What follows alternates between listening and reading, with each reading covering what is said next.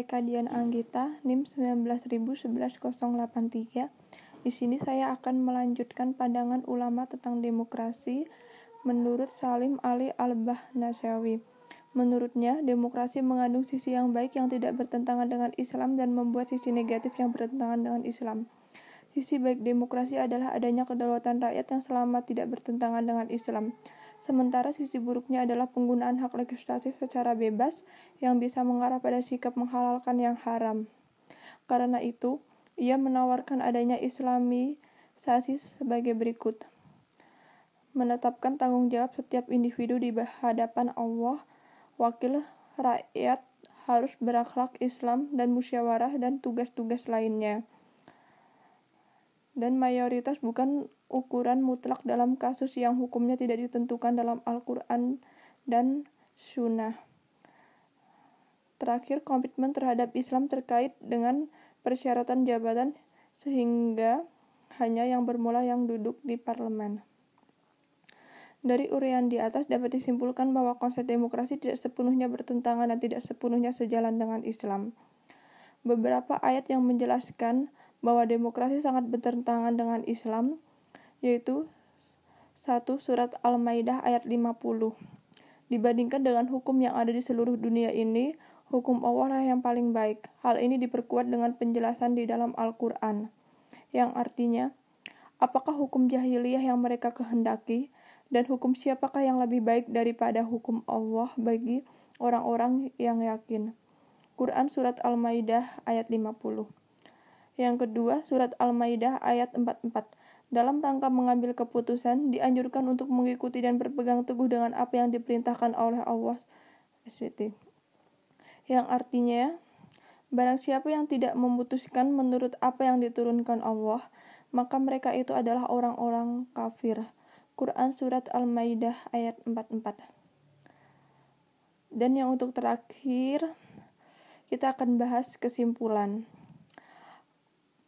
Kesimpulannya, perlu sebuah sistem yang sesuai dengan ajaran Islam. Di antaranya harus satu, demokrasi tersebut harus berada di bawah payung agama. Dua, rakyat diberi kebebasan untuk menyuarakan aspirasinya. Tiga, pengambilan keputusan senantiasa dilakukan dengan musyawarah. Empat, suara mayoritas tidaklah bersifat mutlak, meskipun tetap menjadi pertimbangan utama dalam musyawarah. Contohnya kasus Abu Bakar ketika mengambil suara minoritas yang di menghendaki untuk memerangi kaum yang tidak mau membayar zakat. Juga ketika Umar tidak mau membagi-bagikan tanah hasil rampasan perang dengan mengambil pendapat minoritas agar tanah itu diberikan kepada pemiliknya dengan cukup mengambil pajaknya. 5. Musyawarah atau voting hanya berlaku pada persoalan iktihad bukan pada persoalan yang sudah ditetapkan secara jelas oleh Al-Quran dan Sunnah. 6. Produk hukum dan kebijakan yang diambil tidak boleh keluar dari nilai-nilai agama. 7. Hukum dan kebijakan tersebut harus dipatuhi oleh semua warga. Akhirnya, agar sistem islami di atas terwujud, langkah yang harus dilakukan adalah salah satunya seluruh warga atau sebagian besarnya harus diberi pemahaman yang besar tentang Islam sehingga aspirasi yang mereka sampaikan tidak keluar dari ajarannya. Lalu, parlemen atau lembaga perwakilan rakyat harus diisi dan dinominasi oleh orang-orang Islam. Sekian penjelasan dari kelompok kami. Wassalamualaikum warahmatullahi wabarakatuh.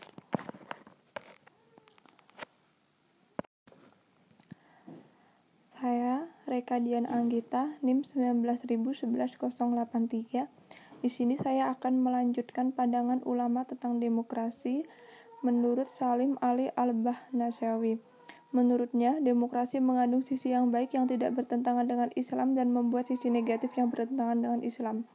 Sisi baik demokrasi adalah adanya kedaulatan rakyat yang selama tidak bertentangan dengan Islam. Sementara sisi buruknya adalah penggunaan hak legislatif secara bebas yang bisa mengarah pada sikap menghalalkan yang haram. Karena itu, ia menawarkan adanya islamisasi sebagai berikut menetapkan tanggung jawab setiap individu di hadapan Allah, wakil rakyat harus berakhlak Islam dan musyawarah dan tugas-tugas lainnya. Dan mayoritas bukan ukuran mutlak dalam kasus yang hukumnya tidak ditentukan dalam Al-Quran dan Sunnah. terakhir, komitmen terhadap Islam terkait dengan persyaratan jabatan sehingga hanya yang bermula yang duduk di parlemen. Dari urian di atas dapat disimpulkan bahwa konsep demokrasi tidak sepenuhnya bertentangan dan tidak sepenuhnya sejalan dengan Islam. Beberapa ayat yang menjelaskan bahwa demokrasi sangat bertentangan dengan Islam, yaitu 1 Surat Al-Maidah ayat 50. Dibandingkan dengan hukum yang ada di seluruh dunia ini, hukum Allah lah yang paling baik. Hal ini diperkuat dengan penjelasan di dalam Al-Quran, yang artinya, apakah hukum jahiliyah yang mereka kehendaki, dan hukum siapakah yang lebih baik daripada hukum Allah bagi orang-orang yang yakin. Quran Surat Al-Maidah ayat 50 Yang kedua, Surat Al-Maidah ayat 44 dalam rangka mengambil keputusan, dianjurkan untuk mengikuti dan berpegang teguh dengan apa yang diperintahkan oleh Allah SWT. Yang artinya, barang siapa yang tidak memutuskan menurut apa yang diturunkan Allah, maka mereka itu adalah orang-orang kafir.